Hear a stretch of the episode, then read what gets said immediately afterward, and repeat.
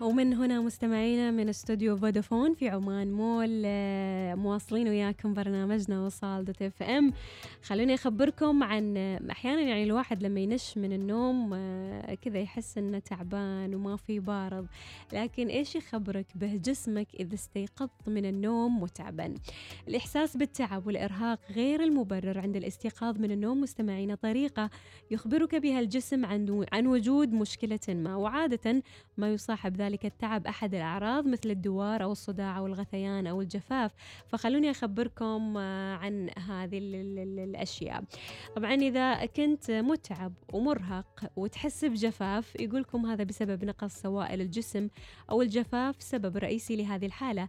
فحتى فقدان واحد ونص بالمئة من سوائل الجسم يمكن أن يسبب الصداع والتعب في الصباح وفقا آه، لعيادة مايو كلينيك.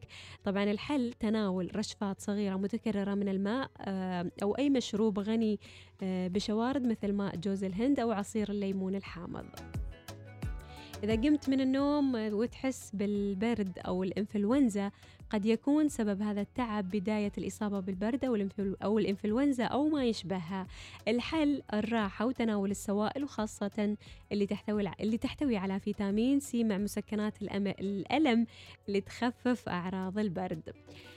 أيضا مستمعين الكثير من السكر من المحتمل أن يؤدي أكل الكثير من الحلوى في الليل إلى الشعور بالضيق في اليوم التالي. قد يسبب السكر المفرط قبل النوم طفرات في نسبة السكر بالدم ما قد يؤدي إلى النوم المضطرب والصداع وكذلك الشعور بالغثيان أو التعب العام في الصباح. طبعا الحل لتعديل نسبة السكر بالدم اشرب الكثير من الماء وتناول إفطار متوازن يحتوي على البروتين الخالي من الدهون والكربوهيدرات الغنية بالألياف مثل الخبز الأسمر.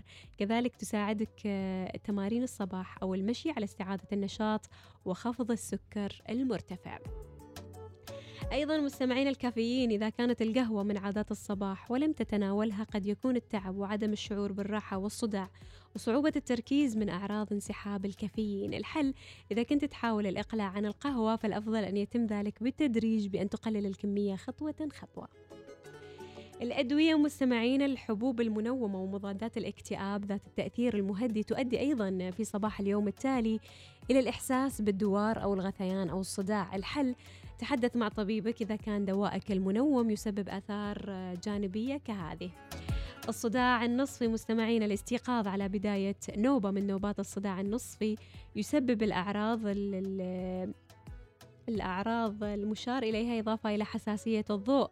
طبعا الحل لا يوجد علاج للصداع النصفي لكن تساعد بعض الإجراءات على تقليل شدته منها تناول دواء الصداع النصفي الموصوف لك والانتقال إلى غرفة مظلمة وهادئة وشرب السوائل ووضع كمادات باردة على الجبهة.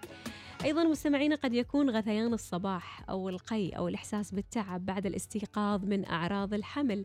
الحل للتخفيف من الغثيان ضعي رقائق الثلج في فمك مع الالتزام بوجبات صغيرة متكررة بدلا من الوجبات الكبيرة وقد يصف الطبيب جرعة من فيتامين بي 6 لتخفيف هذه الأعراض.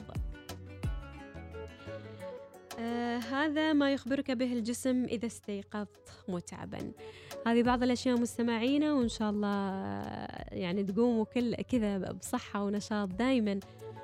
مثل ما يقولوا آه نام بكير عشان تصحى بكير.